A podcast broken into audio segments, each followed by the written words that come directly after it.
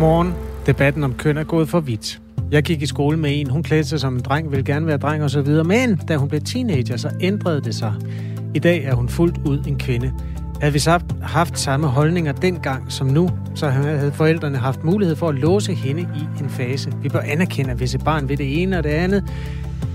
Altså, vi bør anerkende, hvis et barn vil det ene eller det andet. Men at ændre CPR-nummer, det er for voldsomt. Børn ved så lidt. De vil være brandmænd den ene dag og astronaut den næste. At tro, at de kan forstå kønsidentitet, er en utopi, skriver Daniel. Som respons til, øh, at vi har belyst øh, regeringens øh, bestræbelser på at få fjernet aldersgrænsen, således at man for et barn i princippet ned til 0 år kan få skiftet køn juridisk. Ikke øh, kirurgisk, men altså, at man kan få et andet CPR-nummer til barnet. Tiden, hvor det er acceptabelt at forhåne andre for deres kønsønsker eller deres seksualitet er passé. Jeg har virkelig svært ved at forstå ønsket om kønsskifte, men jeg har ikke på nogen måde svært ved at forstå, hvor utrolig belastende det må være at føle sig forkert. Danmark er et land, hvor næstekærligheden, tolerancen og forståelsen for andre skal være i højsædet, og derfor skal alle have retten til at være det, man føler sig som, er der en anden, der skriver. Om et kvarter skal vi tale med Niki Andersen.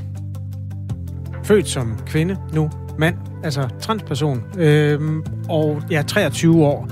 Dermed hensides øh, den her diskussion om, hvornår man øh, skal øh, være i stand til at øh, tage den beslutning. Men hvis, altså Nicky Andersen øh, bakker op om det her, det er også en af dem, Øh, hvor vi kan sige, øh, det er ikke sådan helt gennemsnitlige synspunkter, og derfor vil det være rigtig fint at have modspil, altså med al den respekt, som hører til i en samtale med andre mennesker, og have nogle modspørgsmål og nogle modspil til Nicky Andersen, øh, som altså bakker op om regeringens øh, synspunkt her. Skriv endelig til os, hvis du har input til det interview, der skal udspille sig om godt og vel 10 minutter her i Radio 4 morgen. Man kan sende sms'er ind på nummeret 1424. Inden da, så tager vi øh, blik mod en øh, anden historie, vi også kigger på her til morgen, der handler om fritidsarbejde i gymnasietiden. Her er Radio 4 Morgen med Kasper Harbo og Anne Philipsen. For et fritidsjob, for eksempel i øh, den lokale bowlinghal eller brus. Det kan øh, jo være noget, som øh, flere gymnasieelever vælger at øh, ty til. Og øh, det kan også både styrke deres kompetencer og deres pengepunkt, hvis man spørger Danske Gymnasieelevers sammenslutning som samtidig peger på, at for mange elever ikke længere har tid til at have et fritidsarbejde. Eleverne er jo øh, lige mødt ind igen til et nyt skoleår, og spørgsmålet her, altså om der er tid til at have et arbejde ved siden af gymnasiet, er også blevet diskuteret på LinkedIn, hvor en mor til en gymnasieelev skriver, at hun både er bekymret og forarvet. Hun fortæller om en øh, gymnasielærer, der i hendes klasse har frarådet eleverne at tage et fritidsjob. Og det opslag har du kommenteret på, Thomas Jakobsen, øh, åndedrætscoach og far til Mathilde, der går i 2G i gymnasiet. Godmorgen. Godmorgen. Du mener, det er vigtigt, at man har et arbejde ved siden af gymnasiet. Hvorfor det? Jo, fordi at der er rigtig mange ting, som, øh, som man ikke kan lære i skolen, og der er rigtig mange kompetencer, man får ved at tage et, øh, et fritidsjob, indgå i forskellige relationer, øh, lære at tage noget ansvar, og så møder du også mange andre mennesker, som, øh, som du skal forholde dig til. Og så samtidig så synes jeg også, det giver en, øh, en pause i, øh, i øh, gymnasieelever, altså i livet øh, på gymnasiet. De har jo i forvejen rigtig mange timer, og øh, vi ved også alle sammen, at det er vigtigt at, at få nogle pauser osv. Så, videre. så synes jeg, at øh, ja, at, øh, at det giver rigtig mange ting at, at komme ud. Og øh, når man også øh, som arbejdsgiver, så vil man jo også gerne øh, have, at, at de unge mennesker har noget erhvervserfaring, og ikke kun har gået i skole og så videre. Så, så derfor synes jeg, at det er rigtig vigtigt. Men de her ting, du nævner, man kan få ud af det, altså øh, blandt andet at lære at omgås en anden type mennesker og få nogle andre kompetencer. Øh, hvorfor er det vigtigt, det lige skal være i gymnasieårene, at man får det? Kan man ikke vente til efter gymnasiet med at øh, få de kompetencer? Jo, det kan man sikkert. Men, øh, men der er jo også det her med, at, øh, at de skal ud og også tjene nogle, øh, nogle penge. De, de vil jo også gerne øh, øh, ud og, og feste og, og bruge penge på tøj og, og på caféer og så videre. Og der er det jo ikke øh, alle med forældre, som har råd til at skulle øh, sponsorere deres øh, børn og så videre.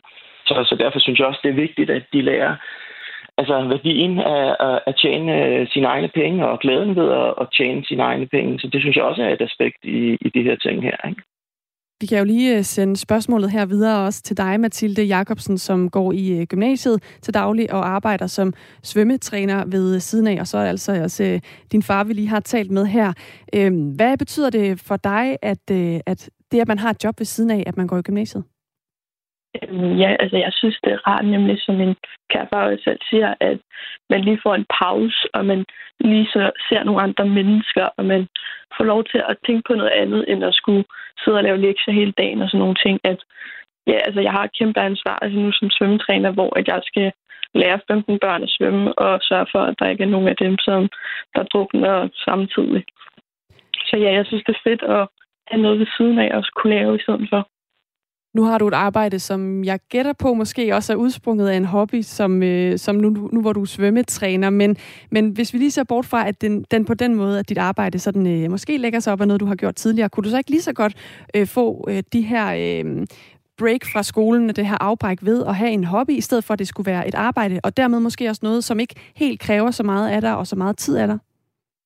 Øh, jo, selvfølgelig. Jeg har også gået til sport, der var mindre end den ting, men ja, som sagt, jeg har et forbrug, der gør, at jeg slet ikke vil kunne have råd til at gøre de samme ting, som jeg også gør, at kan gøre ved siden af med mine venner, og ja, lave noget i weekenden og sådan nogle ting. Hvordan har du oplevet det her med at skulle kombinere gymnasietiden med at have et øh, fritidsjob? Har du tid til begge dele? Øh, altså, jeg bliver nødt til at prioritere mine ting. Altså, det kan godt være, at der er nogle dage, øh, hvor jeg ikke får lavet alle mine lektier, fordi at jeg så skal på arbejde og sådan nogle ting. Så det er jo at prioritere, hvilke fag, der lige er vigtigt den dag, og hvad der så er tid til. Thomas Jacobsen, hvordan lyder sådan en prioritering øh, af skolen kontra fritidsjob i en farsøger? Jamen, det bakker jeg helt op om. Altså, igen, som jeg siger, når man, øh, altså, grunden til, at vi går i skole, det er jo for at blive forberedt på at komme ud på, på arbejdsmarkedet. Og ude på arbejdsmarkedet, der vil man jo også kigge efter, at man har noget erhvervserfaring, har været ude øh, og, og, og indgå i relationer osv. Så, videre. så jeg synes, det er vigtigt. Jeg synes jo generelt, at øh, vi snakker meget om work-life balance, eller bare life balance på, på arbejdsmarkedet. Så synes jeg, det er mærkeligt, at, øh, at vi ikke skal tænke det ind i vores øh, skolesystem. Altså, de har rigtig mange moduler. Ofte kommer de hjem klokken øh, 3.30, og hvis de så har transport oveni, så bliver det så øh, endnu senere. Mm. Og så hvis de så skal lave lektier to-tre timer om dagen, jamen, så har de jo en arbejdsdag på, på 10 timer. Øh, Men de går jo også i skole netop for at lære noget, som de kan bruge, når de så for eksempel skal ud og have et arbejde på sigt. Så det er jo ikke, øh, fordi de øh, bare skal være til stede for at være til stede i skolen. De er der jo også for at lære nogle fag. Så hvorfor er det ikke vigtigt at prioritere det? Jamen, jamen selvfølgelig er det vigtigt at prioritere øh, skolen også. Men, men jeg siger, en, en kombination, synes jeg, er, er vigtig også. Og, og det er jo også det, at arbejdsmarkedet, det, de efterspørger. De efterspørger jo også, at, øh, at man har noget erhvervserfaring. Altså, det ser man jo i alle jobopslag. Det er jo de færreste, som øh, kommer først i, i, øh, til, til samtale, hvis du kun har øh, gode karakterer, men ikke har, har været ude og, og lave noget ved siden af. Så derfor synes jeg, det er, det er vigtigt, at, at man har den her kombination også. Ikke? Og, og, og også fordi det giver sig rigtig mange kompetencer, som jeg synes. Ikke? Vi skal lige høre et klip med Gymnasieskolernes Lærerforenings formand Thomas Kepler. Han bakker op om, at gymnasielærer fortæller, at det ikke er optimalt at passe et øh, fritidsjob ved siden af skolen. Han mener nemlig, at skolen altid bør være første prioritet. At gå i gymnasiet, det er altså mere end et fuldtidsjob i sig selv en gang imellem. Øh, og jeg ved ikke, hvor mange voksne, der synes, det er nemt at, øh, at have øh, to jobs samtidig. Jeg tror i hvert fald ikke, det er nemt for unge mennesker. Og det er altså nogle gange mere end et fuldtidsjob at gå i gymnasiet. Thomas Jacobsen, Thomas Kepler, som vi hørte fra her, han siger også, at øh, samfundet stiller jo en uddannelse til rådighed. Så hvorfor er det ikke fair nok, at når man får den gave af samfundet, så skal eleven også bruge sin fulde tid på den uddannelse? Jamen, det er det selvfølgelig også, at, øh, altså, at, vi, at vi kalder det en gave og, og så videre. Selvfølgelig er det også vigtigt at prioritere det. Men vi bliver også bare nødt til at se, på, øh, hvad det er, der sker. Altså, der er rigtig mange af de her 16-24-årige piger, som har stress, angst og depression osv., fordi de er presset i deres gymnasietid osv. Kan det ikke også så være, fordi de har et arbejde ved siden af? Det kunne det også godt være. Det kunne også være, at det var arbejdet, der gav dem en, øh, en, øh, en pause og, og noget andet at, at tænke på, end at hele tiden at skulle øh, tænke i lektier og, og så videre. Ikke? Hvor ved du fra, at øh, arbejdet har den funktion for mange? Det kan jeg jo heller ikke øh, sige, men jeg kan heller ikke sige, at, at det modsatte er, er det rigtige. Altså, det er jo indiskutabelt, at vi har rigtig mange mennesker, øh, unge mennesker. Det er der jo lige kommet frem i vores denne her sundhedsrapport, at øh, 52 procent af pigerne fra 16 til 24, de har stress, angst eller depression. Så et eller andet er der jo øh, galt et eller andet sted. Ikke? Men kunne løsningen her i princippet ikke også være netop at øh, fortælle de unge, som en lærer her så har gjort, at øh, hvis I skal vælge et fokus, så vælg jeres uddannelse, så øh, er det jo måske i virkeligheden også sagt i en form for omsorg i forhold til netop ikke at presse de unge, at de føler, at de skal øh, lave andre ting ud over skolen, at han ligesom har sagt læreren her, som du også øh, har reageret på. Øh, prioriter skolen, så er de ligesom sikre på, at så, øh, så kan I holde til det, der er jeres liv.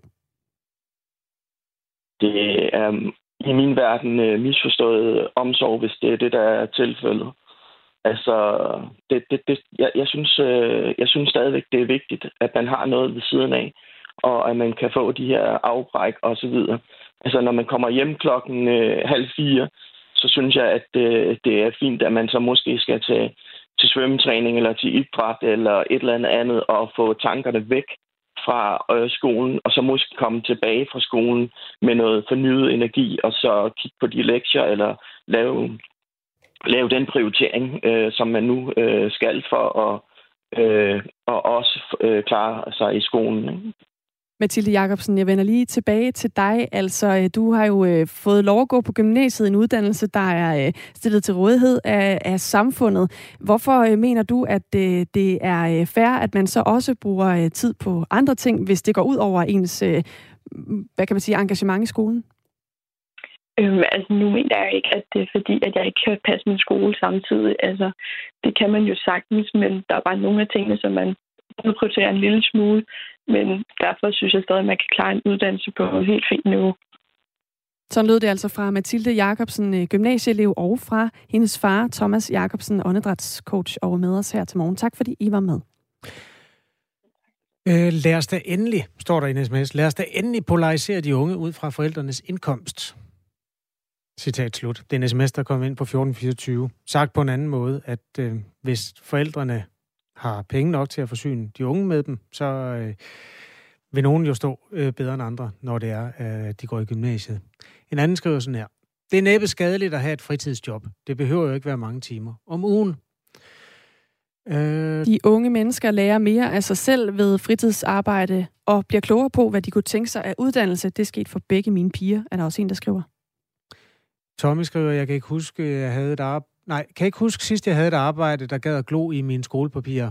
Men en udtalelse fra en tidligere arbejdsgiver gider de at kigge på, lyder synspunktet fra Tommy, der altså betoner, at der er en vis vigtighed i, at øh, også kunne fremvise noget papir på erhvervserfaring. Om det ligefrem skal foregå i gymnasietiden, er så den politiske diskussion i det her. Klokken er 18 minutter over syv. Jeg er lidt øh, i tvivl om, vores næste gæst er med os. Ja, godt. Jamen, så lad os endelig komme i gang med det, vi skal tale om nu. Det skal være muligt at ændre det næste... Nej, undskyld. Det skal være muligt at ændre det sidste ciffer i ens personnummer, hvis man ikke føler sig som det køn, man fik ved fødslen. Det er et udspil fra regeringen, som vil ændre de her regler for juridisk kønsskifte. PT skal man være 18 år, før man kan øh, gå fra ulige til lige, eller omvendt. Men øh, det her forslag går altså ud på, at grænsen helt falder væk, så man selv eller ens forældre kan ændre ens CPR-nummer øh, fra man er øh, 0 år gammel. Altså der skal dog samtykke til, selvfølgelig, hvis man stadig er barn. I dag skal man være fyldt 18, før man kan ændre det sidste cifre og skifte fra F til M, eller omvendt, i passet. Niki Andersen øh, var gennem 20 år kvinde, i sit pas i hvert fald, og er nu mand. Godmorgen, Niki Andersen. Nå, det er på telefonen der. Undskyld. Niki, nu har jeg dig. Her, godmorgen. Ja, godmorgen. Hej. 23 år, transperson, og øh, starter ja. på psykologistudiet i september.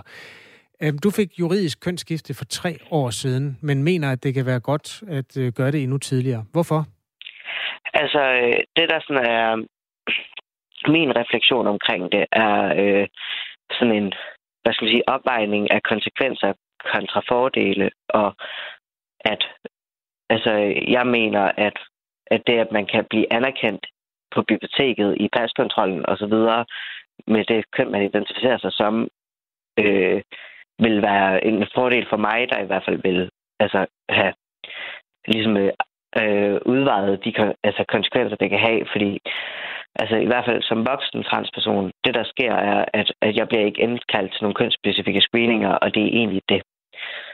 Øhm, og der kunne jeg da forestille mig, at der er teenageårene, altså det eneste, jeg lige sådan kan komme til at tænke på, det er HPV-vaccine. Mm. Men det er som 12-årig. Øhm, nu vil man jo fjerne grænsen helt ned til 0. Er, er ja. du tilhænger af det?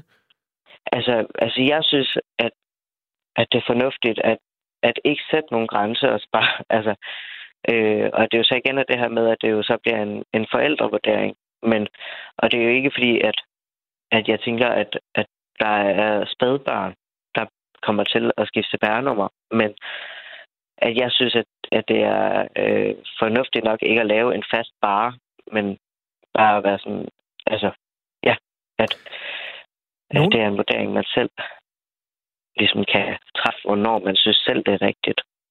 Du blev født som pige, og var ja. pige i dit øh, pas og dit CPR-nummer, indtil du blev 20. Hvornår ja. begyndte du, eller hvornår opdagede du, at du ikke var en pige, men en dreng? Altså, jeg øh, har identificeret mig som transperson, siden jeg var 16. Okay. Øhm, og det var ligesom første gang, jeg sådan kunne sætte ord på det. Så har der jo været en del ting i min barndom, øh, hvor der jo har været nogle, altså, noget, noget, der har været et udtryk for øh, at have en anden kønsidentitet. Men, men, øh, men det var først som 16-årig, jeg fik ordforrådet til det, som selv at kunne sige, at det var det, jeg var. Men der er godt nok langt fra 16 år og så ned til for eksempel 4. Vi har tidligere hørt en forsker fra øh, Center for Kønsidentitet ved Aalborg Universitet forklare, at ens kønsidentitet er udviklet som fireårig, og derfor mente hun faktisk, at man allerede der at med en vis ret kan for forældrenes vedkommende begynde at spekulere over, om barnet skal have et andet CPR-nummer, når vedkommende starter i skole. Altså, fe- altså undskyld, altså, jeg, jeg spørger meget sige, sådan åbent, øh, fordi ja, ja, det er altså, meget udbanet. Ligesom, ligesom øh, alle andre mennesker udvikler transpersoner sig jo også i forskellige tempi. Eller, altså, øh, altså, så det kan være, at der er nogen, der har en meget fast kønsidentitet allerede som tre eller fire år, og så kan det være, at der er nogen, der...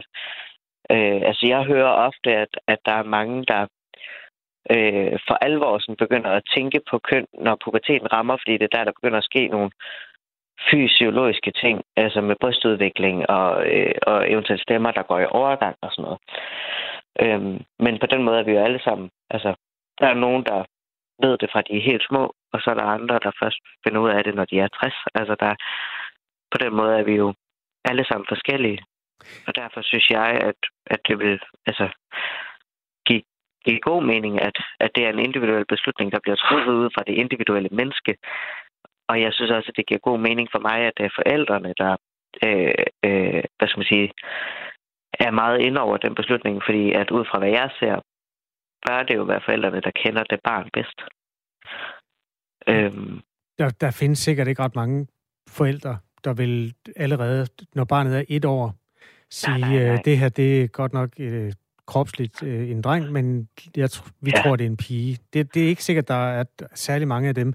Men hvorfor skal de så have, overhovedet have muligheden, kan man jo spørge rent juridisk. Altså, hvorfor skal man yeah. overhovedet åbne den flanke og helt ned til 0 år? Hvorfor bakker du op om det? Jamen altså, jeg kan godt se kritik, øh, altså, jeg kan godt se, øh, hvad skal man sige, kritikpunkterne, ikke også? Altså, at, at det er da en mega stor beslutning, men jeg tror også nogle gange, at den beslutning bliver kørt op til større, end hvad den er. Altså, hvis jeg nu kigger på det at transitionere, så er der ligesom en opdeling, der er ligesom helt det sociale, at blive kaldt sit navn, at få brugt de rigtige pronomener, medicinsk med hormoner og kirurgi, som jo er irreversibelt, hvor de, det så cifre i CPR-nummer, det, altså, det er totalt reversibelt, og det har ikke, altså, altså, der er ikke noget farligt i det. Det er et tal. Ja. øhm, Altså, det er jo stadigvæk øh, noget, som mange myndigheder vil have svært ved at håndtere. Øh, for eksempel, øh, hvis man stadig ligner en dreng, men har et, et pige-CPR-nummer, øh, når man står i en lufthavn. Ja. Øh, for eksempel indflyvning til en København, eller en, en amerikansk lufthavn, for eksempel. Det er dem, der... Mm. der det, det er de steder, hvor man går lidt firkantet til tingene. Men der vil jeg jo gerne vende den om. Ja. og sige, en ung trans pige, der på alle måder ligne, altså, og er en helt almindelig pige, også? Altså, øh, der så møder op i en amerikansk lufthavn med et mandligt CPR-nummer. altså, øh, fordi at det er hun tvunget til, at der skal stå i hendes pas. Øhm, altså, det er jo også en farlig situation. Det skal jeg lige forstå. Altså, en, en, en almindelig pige, altså, altså en, der er født som pige sige, i en pigekrop? Nej, nej, en transpige. Altså en, en der er født i en drengekrop? Det vil sige en pige, pige født i en drengekrop. Ja. For at bruge den retorik. Ja, tak. Der, der stadig har et mandligt CPR-nummer, men, på, altså, men, men, altså, men måske har lange, fine, hvide lokker, og altså øh, på alle måder ligner og er en helt almindelig pige, vil jeg jo sige. Ikke? Ja. At, at øhm, altså, hvis hun så møder op og er tvunget til, at der skulle stå et mandligt CPR-nummer i hendes pas, fordi at der er en læge, der har kigget på hende og sagde, at hun var en dreng, da hun blev født. Altså, det kan også blive en farlig situation. Øhm, Niki Andersen, der lytter, der, ja, øh, modtaget. Der, der lytter, ja. der hører med her. En af dem hedder Birgit, der skriver, Jeg var en rigtig drengepige. Jeg legede mest med drengene. Jeg fiskede, spillede fodbold og kørte crosser og gik klædt som en dreng. Identif- identificerede mig nok på en måde som en dreng. Men ingen gjorde det til et problem. Hvis muligheden havde været der for juridisk og måske også fysisk kønsskifte, og det var blevet tilbudt mig, så øh, er jeg bange for, at jeg havde gjort det. Nu er jeg i 40'erne mm. og utrolig glad for at være kvinde. Jeg dyrker de feminine sider lige så meget som de maskuline. Og jeg er sikker på, at jeg vil fortryde et kønsskifte. Hvis vi lader børn være den, de er, og ikke problematisere det her kønsaløj, så tror jeg, at vi er bedst stillet, lyder synspunktet for Birgit. Ja. Har du lyst til at kommentere det? Jamen altså, det kan jeg som, altså på, på mange måder godt sætte mig ind i. Øh, altså, øh, jeg vil, altså, altså, øh, nu, jeg skal lige tænke mig om her. øhm, altså, jeg har jo været glad for, at transition har været en mulighed i mit tilfælde. Men man kan jo også, altså, sagtens agere, altså, køn øh, øh, altså for mig er der ligesom sådan en tredeling af køn. Der er identiteten oppe i din hjerne, det er det, jeg identificerer mig med. Der er det øh, udtryksmæssige og agerende i verden. Agerer man maskulin, feminin, går man med makeup. Mm. Øh, og så er der ligesom altså det, altså det biologiske med, med reproduktive organer. Øhm, og de tre ting fungerer for mig uafhængigt af hinanden. Altså så, altså, så man kan godt agere og være en rigtig drengepige, uden, øh, uden at identificere sig som dreng. Øhm, altså, så, så det kønsidentiteten ligesom handler om, det er, det er mellem ørerne. Altså, ja. altså det, det er, hvordan ser jeg mig selv op i min hjerne, når jeg kigger mig selv i spejlet, eller når jeg tænker på mig selv, eller altså, hvordan ser jeg mig selv? Det her, det bliver i den sidste ende jo også, Nicky Andersen, et spørgsmål om, hvorvidt man er enig med dig i, at de her ting kan køre som tre separate spor, eller man ja, ligesom skal stille ja, ja. dem alle tre ind i et. Jeg, jeg bliver nødt til lige at bringe et uh, citat her, uh, mens det, interviewet desværre lakker mod inden. Men du skal lige høre et citat, mm. så kommenterer du det bagefter. Det er Dansk Folkepartis værdiordfører, Pia Kærsgaard, uh, som er uh, modstander. Det er fuldstændig rappelende vanvid. Altså, det her woke er jo gået fuldstændig amok. Jeg fatter simpelthen ikke, at øh, en regering kan foreslå den slags. Det er et overgreb over for små børn. Det, det kan man simpelthen ikke tillade sig på nogen måde. Det er jo det, som er den politiske modstand til det, som vi nu har belyst, øh, ja. hvorfor du er tilhænger af. Hvad siger du til det synspunkt?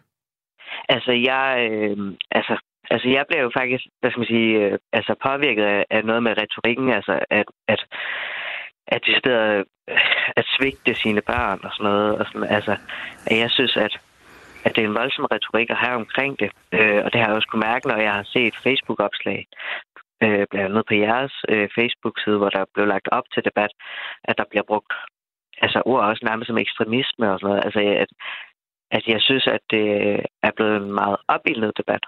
Øhm, øh, det er nok ja. ikke helt forkert. det tror jeg, du har ret i. Øhm, ja. Du, øhm, du skal have tak. Jeg synes, at det kan være hårdt som transperson, at min kønsidentitet er noget, alle har en politisk holdning til.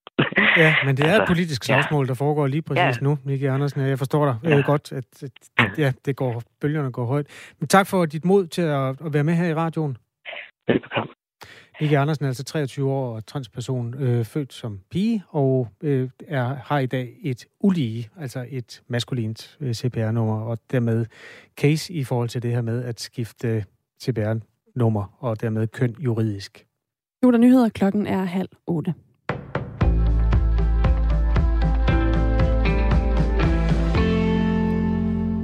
Københavns Byret afsiger senere i dag dom i en rekordstor sag om svindel, mens Københavns Byret igennem 3,5 år i afstedet tempo har beskæftiget sig med Operation Greed, en enorm straffesag om en påstået fakturafabrik, er fænomenet flere gange dukket op på andre retslister.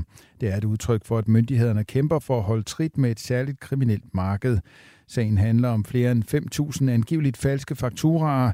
De er leveret til selskaber, der havde udført sort arbejde inden for rengøring, transport og andre områder. Cirka 900 kunder var der Ifølge anklagemyndigheden i den kriminelle butik gennem vekselbyråer fik de kontanter minus et gebyr. I eftermiddag vil det så vise sig, om byretten vil nikke ja til den påstand. Flere ungdomspolitikere har ifølge Jyllandsposten lagt navn til et debatindlæg i Berlinske imod en højere aldersgrænse for cigaretter. Avisen har fået adgang til et udkast til indlægget, der blev sendt fra en ansat i det danske lobbybyrå Grace. De er hyret af British American Tobacco til at lave lobbyarbejde.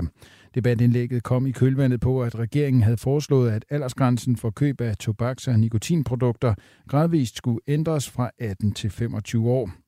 Hey guys, i forlængelse af den fælles kampagne har vi skrevet et udkast til et fælles indlæg om forslaget om en aldersgrænse på 25 år, som vi håber, I vil være afsender på, står der i udkastet ifølge Jyllandsposten. En enkelt sætning fra indlægget blev pillet ud af udkastet, hvorefter ungdomspolitikerne skrev deres navne på. En af dem er Alexander Blaunsfeldt, der er landsformand i SF Ungdom SFU. Ifølge ham viste han ikke, at tobaksgiganten stod bag indlægget. Jeg fik den egentlig bare og blev spurgt, om jeg kunne skrive under, fordi SFU er enige, skrev vi under. Jeg vidste ikke, at det var forfattet af tobaksindustrien, siger han til Jyllandsposten. Den udlægning kan stifteren af Grace Sune Væsel dog ikke genkende. Det er vi meget overrasket over. Vi har kommunikeret både åbent og aktivt om dette forhold i vores dialog med de unge politikere, siger han til Jyllandsposten. Veluddannede kinesere er større tilhængere af en væbnet annektering af Taiwan end kinesere uden nogen uddannelse. Det viser en ny undersøgelse bragt af det akademiske tidsskrift Journal of Contemporary China. Det skriver Information. Dagmar Eben Østergaard fortæller. Det er en chokerende undersøgelse. Det udtaler artiklens hovedforfatter Dong Tao Chi, der er forsker ved East Asian Institute på National University of Singapore. Jeg var godt klar over, at det kinesiske uddannelsessystem påvirker folks holdninger og syn på regeringen i en positiv retning. Men jeg havde ikke forestillet mig, at det i den grad ville påvirke folks syn på væbnet genforening, siger Dong Tao Chi til Information. Ifølge undersøgelsen, der er foretaget i 10 forskellige kinesiske byer, støtter lige over 53 procent af de adspurgte en væbnet annektering af Taiwan, mens godt 39 procent er imod.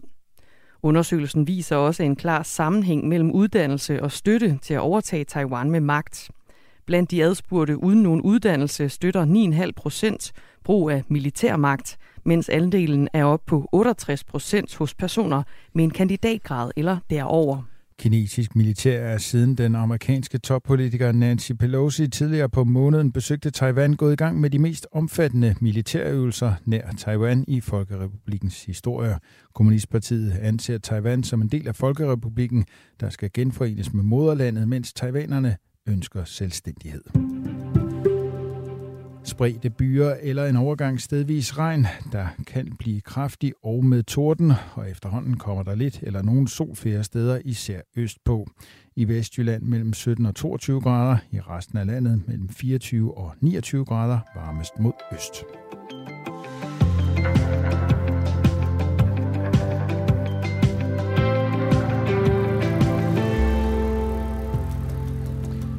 Kunne det måske være, at de hormonforstyrrende stoffer kan være en årsag til den større kønsforvirring, vi ser i dag, spørger en lytter.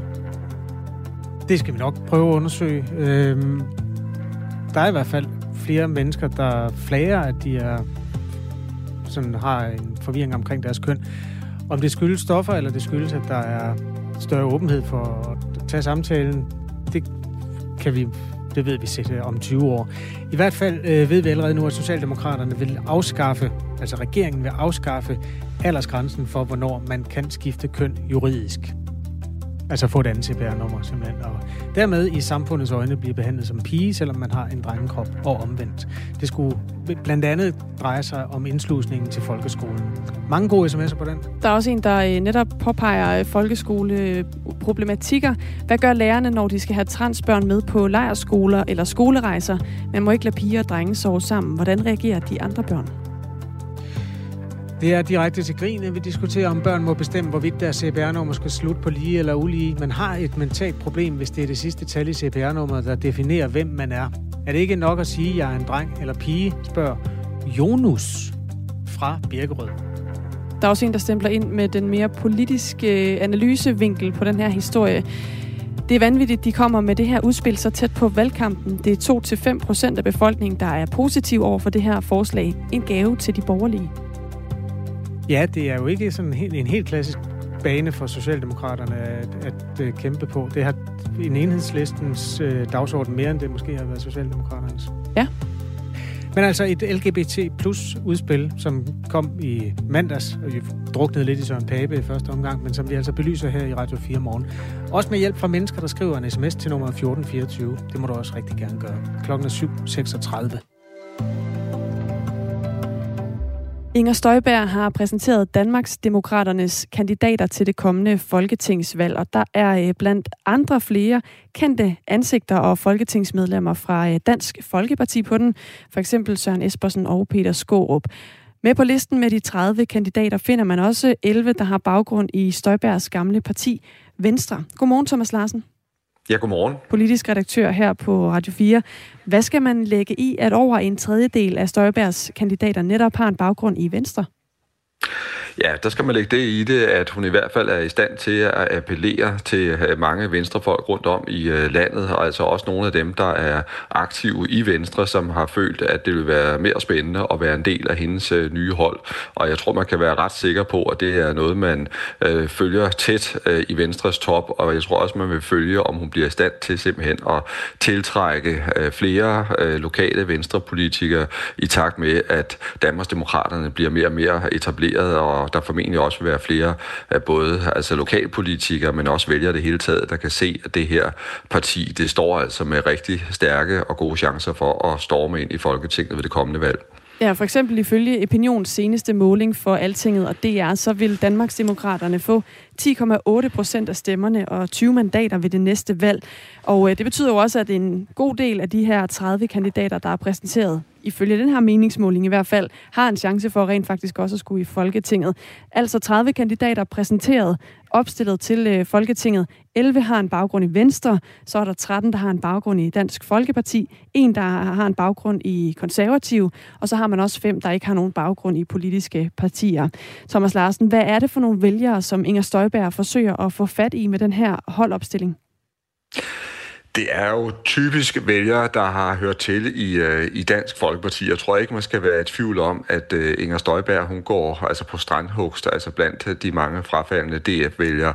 Men noget af det, som vi jo også kan se, det er, at hun også kan appellere til nogle konservative vælgere, og især også altså det venstre bagland, som hun jo selv har besøgt og været rundt i igennem øh, mange, mange år, altså som især er i, i Jylland, øh, Vestjylland, Nordjylland. Øh, så jeg tror, det er, det er bredt, øh, og så er det jo også dem, øh, for skal vi sige, mange af de vælgere, der, der, der bor uden for de store byer, som hun kommer til at appellere meget kraftigt til med en af sine mærkesager, der jo handler om det her med, at der skal være en bedre balance efter hendes mening mellem land og by herhjemme. Blandt de her 11, der har en baggrund i Venstre, så er der øh, blandt andre nogle tidligere og nuværende byrådsmedlemmer, en tidligere folketingskandidat og en tidligere borgmesterkandidat.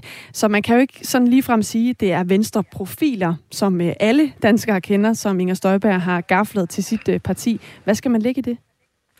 Man kan sige to ting. Altså, det er klart, at hvis vi skal se på det på en, der garanteret har stået på øh, Inger Støjbergs ønskeliste, så er det Søren Gade. Jeg tror, hun kunne have drømt om, at han vil blive en del af hendes øh, nye parti og hendes nye politiske projekt. Og det er ikke sket, og det er fuldstændig rigtigt, at øh, andre profiler fra Venstre har heller ikke ønsket at være med i, i, i hendes øh, projekt. Men jeg tror ikke, man skal underkende, at der er mange altså lokale øh, politiske kræfter og lokalpolitikere det hele taget fra Venstre, der er en del af hendes øh, nye hold. For det betyder simpelthen, at hun også kommer til at arbejde sammen med folk, der ved, hvordan øh, en politisk organisation fungerer. Øh, det er folk, der ved, hvordan man på meget kort tid øh, er med til at skabe en, en valgkamp. Øh, og sådan nogle ting kan hun i den grad øh, bruge. Der er også nogle kendte ansigter og kendte folketingsmedlemmer fra øh, Dansk Folkeparti på den. For eksempel Søren Espersen og Peter Skåb, som jo annoncerede øh, sit øh, kandidatur for et stykke tid siden. Men der er jo altså netop også mange, der ikke nødvendigvis har den her sådan øh, meget velkendte, det velkendte navn og den velkendte politiske karriere bag sig. Kan det blive en fordel også for Inger Støjberg, at hun på den måde i et eller andet omfang starter på en frisk?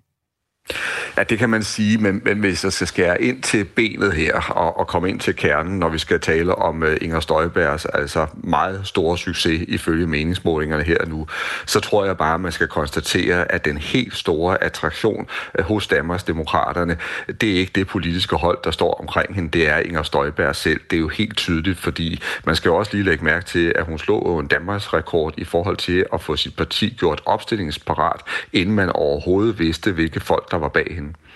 Og på den anden side af det her, så står jo også Jakob Ellemann Jensen, som jo har øh, nu må sige farvel til 11 tidligere venstrefolk, som Støjberg har fået over til sit parti. Hvor stort et problem er det for ham som formand for Venstre? Jamen, det er et stort øh, problem, fordi selvfølgelig øh, øh, mister han det her antal øh, lokale venstrepolitikere, vi taler om øh, her, og det, og det bekymrer ham naturligvis. Men jeg tror, at det, som han øh, øjner som den helt store fare og risiko, det er jo selvfølgelig, hvis øh, øh Inger Støjberg hun får et kanonvalg, altså i, i, i det jyske især, og er i stand til at tiltrække øh, mange tidligere venstrevælgere.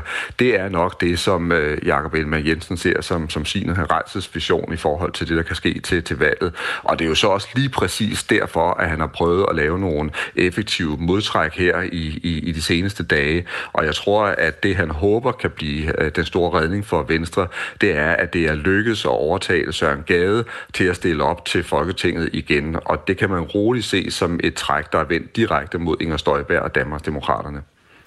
Thomas Larsen, jeg kunne godt tænke mig også at høre din reaktion på noget af det mere administrative i det her. Øh, Ekstrabladet har lavet en optælling af, hvad det betyder økonomisk, det som Inger Støjberg har krasset ind af mandater. Det, der jo skete helt faktuelt, det var, at øh, Danmarksdemokraterne gik fra 1 til 7 mandater. Mange af dem jo tidligere, eller alle sammen tidligere DF'er. Nu, nu, er Dan, eller nu er Danmarksdemokraterne et større parti i Folketinget end, øh, end Dansk Folkeparti. Øh, vi tager lige det med pengene om lidt, men for det første, hvordan oplever du det, at hun fra den ene dag til den anden faktisk kan overhale Dansk Folkeparti, der var Folketingets næststørste parti for fire år siden? Det er jo først og fremmest en, øh, altså en ydmygelse af Dansk Folkeparti, og det er noget, der gør ondt på Morten Messerschmidt og Pia Kjærsgaard at konstatere det her.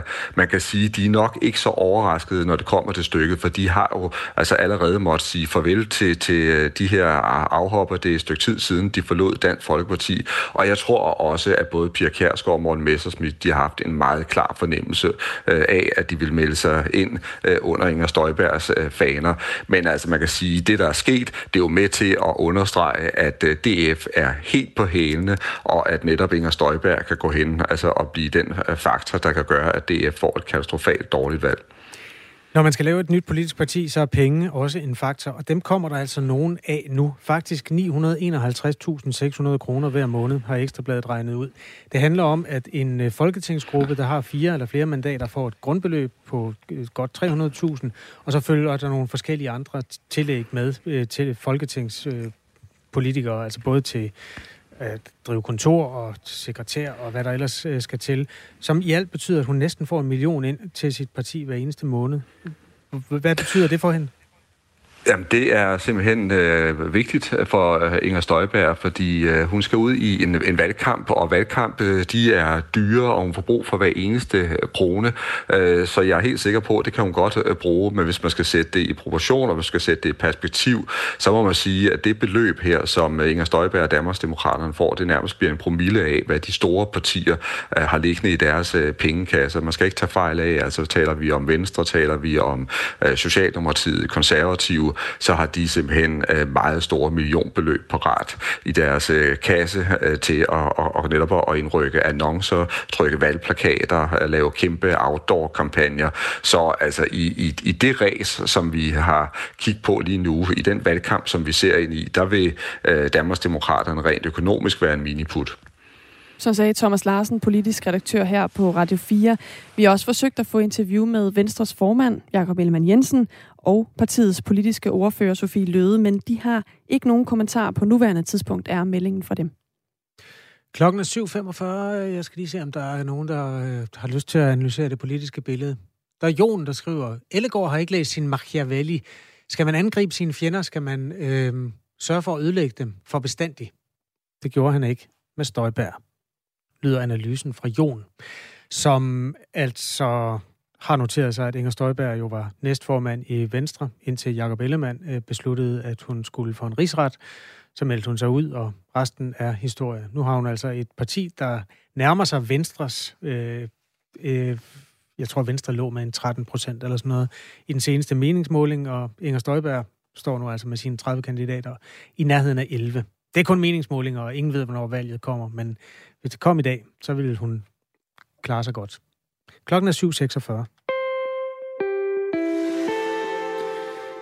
Der kom en interessant meningsmåling, og det, den er videnskabeligt totalt angribelig, men den er interessant alligevel. Okay. På Ekstrabladets hjemmeside i går. Ja. Jeg kan godt lide Ekstrabladet, øhm, og Ekstrabladet har altså et, i går skrevet en artikel, der handler om de tyske atomkraftværker. Altså, mm. Ukrainekrisen har jo gjort øh, energipolitik meget nærværende, fordi gassen måske kan holde op med at flyde fra den ene dag til den anden. Det vil give os bøvl i Danmark, men det vil give katastrofe i Tyskland, ja. hvor man har en stor rygende industriskorsten, der hedder Ruhrdistriktet, som bruger ufattelige mængder af energi hver eneste dag. Meget af det er russisk gas. Og øh, der har man jo haft en grøn omstilling, ført an af den afgåede kansler Angela Merkel, hvor man vil skille sig af med sine atomkraftværker. De sidste tre af dem skulle være lukket ved årets udgang. Dem har man besluttet at forlænge mm. levetiden på. De ja. laver rigtig meget. Altså, det er jo så strøm, de laver. De der, øhm, tre, det ene ligger nord for Ruhrdistriktet, og to af dem ligger i Sydtyskland, Bayern og en af de andre delstater dernede. Det, der er den interessante meningsmåling, det er øhm, det, der kommer ned i bunden af artiklen. Ja. Ekstrabladet kan jo godt lide at høre, hvad synes du? Ja. Det kan vi også her på Radio 4. I den grad. Hvad vil du sige, hvis Danmark byggede et atomkraftværk? Er det en afstemning? Det er en af, ja, det er jo bare sådan set et spørgsmål. Så kan du vælge mellem ja. øh, følgende øh, fire udsagn. Hvad vil du sige? Vil du sige nej tak? Vil du sige ja tak? Vil du sige ja tak, ja tak, øh, ja tak, men et er ikke nok? Og så en fjerde mulighed, du kan vælge at sige, det er, at du ikke vil sige noget. Kunne man vælge den, altså nummer tre er en, man reelt kan vælge? Ja, altså du kan vælge, at det er ikke bare fedt, det er rigtig, rigtig fedt. At, Nå, det var ikke, der var ikke tre ja tak i? Jo, i svaret. Nå, jo. Ja, nå, hold da op det, der, det, som jeg synes bare er meget i øjnefaldene, det er, at næsten hver anden svarer ja tak, og derudover er der øh, 37 procent, der svarer ja tak, ja tak, ja tak. Mm. Altså alt i alt er det næsten, det kunne hjælpe med over 85 procent, der siger kæmpe ja tak til atomkraft. Der er altså noget, der har flyttet sig her i, i Danmark ja. inden for kort tid, måske fem år. I hvert fald mindre. blandt ekstrabladets læsere. Ja, ja, det er ikke repræsentativt, men har du ikke lagt mærke til det andre steder, at der tales sådan mere reflekteret over atomkraft jo. Øh, som varig energikilde og grøn energikilde, jo. end man gjorde lige efter Fukushima-værket og ja. Tjernobyl og hvad man ellers har talt om? Ned, lærer, nøgen kvinde at spinde, vil nogen måske sige. Atomkraft, ja tak, skriver Mark, som er flymekaniker og maskinmesterstuderende. Nå, jamen øh, enten Det er 100 procent indtil videre jo, her hos os. 100 procent af danskerne elsker atomkraft. Du må også gerne ytre dig hos os. Ellers så kan du gå ind og stemme hos Ekstrabladet. De øh, driver journalistik på et højt plan, øh, når det kommer til atomkraft, og har altså beskrevet, at man i Tyskland ikke afskaffer det alligevel. Klokken er 7.49.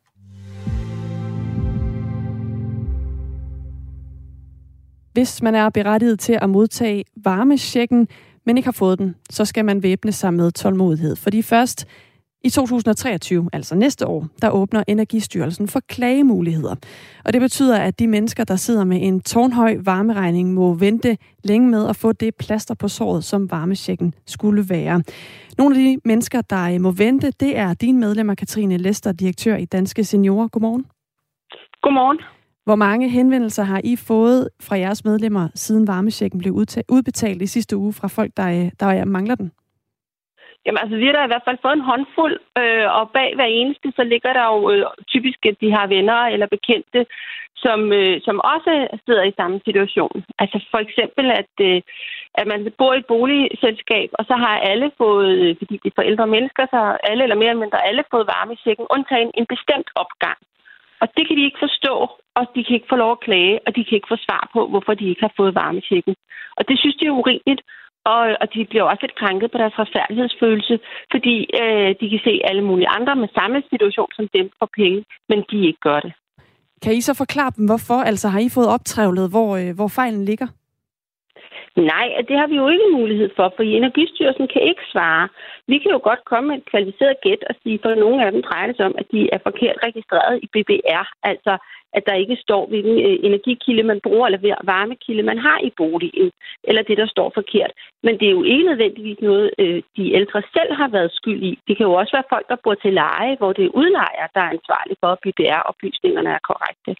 Ja, fordi... Og så kan der være, det er der slet ikke nogen tvivl om, nogle af dem, der, der ringer og spørger, de, de er måske ikke berettiget til, til varmesjekken, fordi de, deres økonomiske forhold eller den varmekilde, de har, ikke falder ind under kriterierne.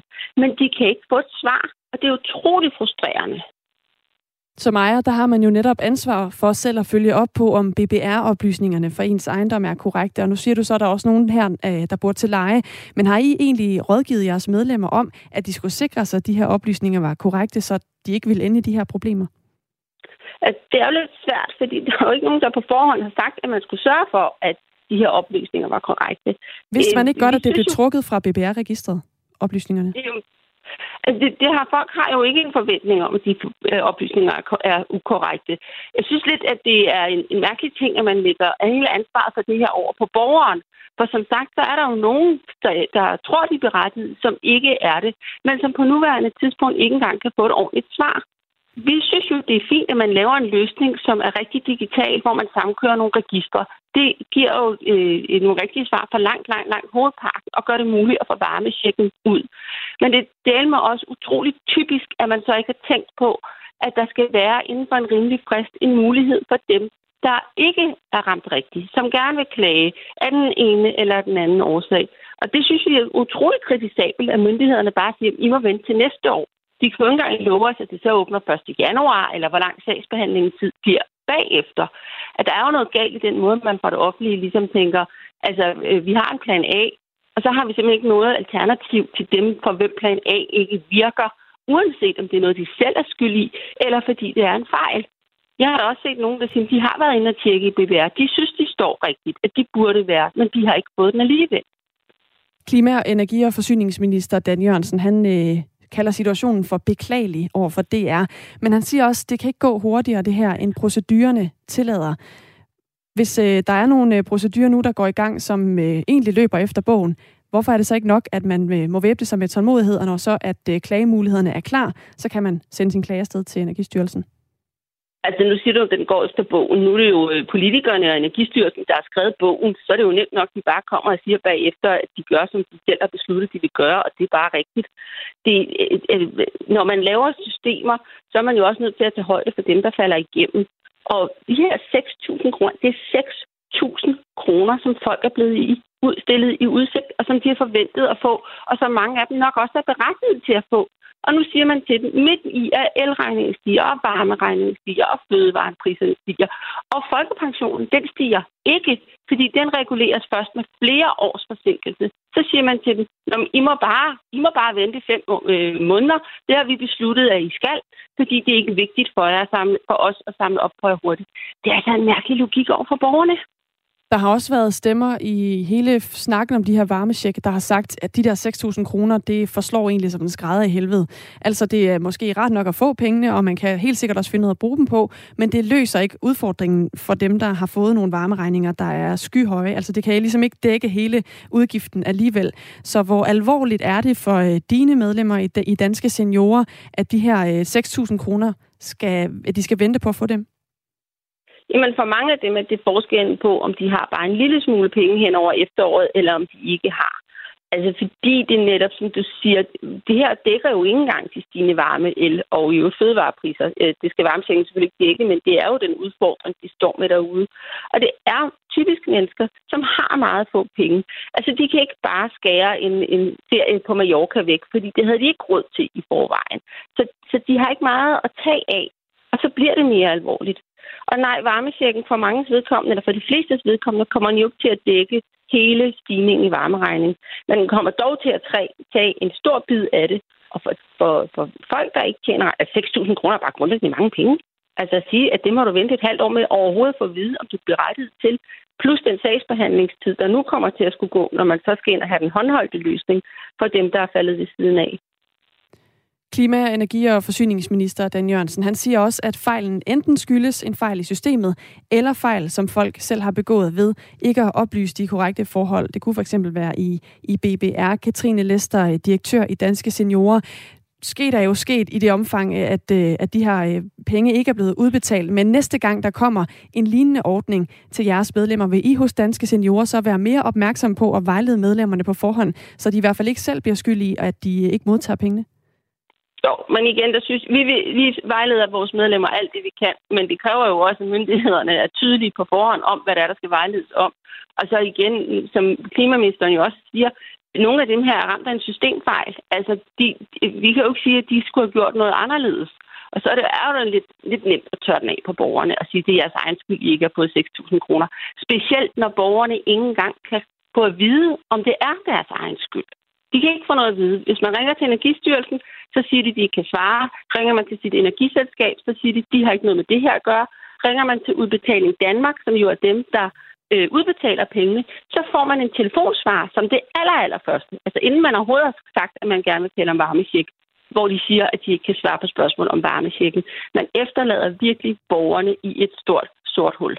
Så lød det fra Katrine Lester, der er direktør i Danske Seniorer. Du lytter til Radio 4 morgen. Klokken er 3 minutter i 8. For lidt siden fortalte jeg, at tre tyske atomkraftværker, der skulle have været lukket ved årsskiftet, i første omgang kommer til at køre videre et års tid, måske endnu længere. Det er en konsekvens af, at øh, energikrisen rammer Europa. Den mærker vi også i Danmark lige nu. Diskussionen om atomkraft er også øh, har flyttet sig sådan rent ideologisk. Det kunne man se i en afstemning ved den artikel. Øh, og det kan man faktisk også se i vores sms nu. Øh, altså de mennesker, der skriver til os. PT 60 procent øh, positivt i forhold til atomkraft, målt på de fem sms'er, der er kommet ind. Ja, en lille kan... meningsmåling. Ej, den er meget lille, ja. ikke? Men vi kan godt læse den op. Ja til et dansk atomkraftværk. Byg det i Finland. Står der så godt nok. Men, øh... Ja, det er lidt at sende noget af affaldsaben videre, måske. Der skulle ikke være så meget affald på de nye. Okay. Men øh, jeg ved ikke ret meget om det, Nej, det så jeg vil hellere love, at vi øh, dækker det grundigt på et tidspunkt. Det kan også godt ende med at blive et tema i valgkampen, faktisk. Det overrasker mig lidt, at energipolitikken ikke har fyldt mere. Det kan den nå at komme endnu. Ja, det ja. fylder simpelthen så meget for de mennesker, der har stigende elregninger. Det kan vi, har jeg jo et frisk tal på. Der ja. blev sat rekord igen i går. Uha. Ja, men lad os lige tage sms'en ja. først. Torben Linde Mikkelsen fra Mors skriver nej tak til atomkraft, ja tak til bølgeenergi. Lad os nu bruge lidt af støtten fra vindmøller og give til bølgekraft. Atomkraft? Never, skriver Inge. Jesper skriver, god idé med atomkraft. Det tager nok mellem 5 og 10 år at bygge, men får en større elregning de første mange år, da det er dyrt at producere. Det skal man lige huske, skriver Jesper. Og øh, ja, så var der den fra Mark, som bare sagde kæmpe ja tak til atomkraft. Der udregnede vi, at øh, 60 procent gerne vil have det. Du er velkommen til at skrive til os selvfølgelig, ligesom de her mennesker har gjort på 1424. Der blev sat rekord igen i går på elregningen. Onsdag aften, der var prisen på en kilowatt-time 8 kroner og 42 øre. Ej, det river i øjeblikket. Ja, altså, og det er jo Øh, en firedobling i forhold til sådan det helt fredelige niveau, og også bare en, en optrapning af et rekordniveau, der allerede i forgårs aftes øh, ramte rekord højt øh, niveau, øh, da det var over 7 kroner. Nu er den altså, altså over 8 kroner. Danmarks Radio har talt med øh, flere forbrugere, som for det første øh, tager, tager hovedet i hænderne og er også over det, for det andet anslår, at øh, en af dem hedder Thomas Kod, øh, han er en mand fra Virum, der har en familie, hvor han bor der, at det vil koste omkring 10.000 kroner om året. Han forklarer, at man er begyndt med at hænge tøjet udenfor, i stedet for at bruge tøj og tumbleren. Ja. Og det er sgu også en lavt hængende frugt, vil jeg sige, på mm. den her årstid. Ja, på den her årstid. Det bliver værre, når det bliver øh, ruskende efterår. Det har du ret i. Ja. Lige om lidt, så skal vi have et nyhedsoverblik med Thomas Sand, og øh, på den anden side af det, så kigger vi blandt andet nærmere på øh, en historie, vi har været omkring i løbet af morgenen, der handler om, at øh, der er færre gymnasieelever, der arbejder ved siden af deres studie. Vi skal tale med en arbejdsmarkedsforsker om den udvikling efter nyhederne, der kommer her. Klokken er 8.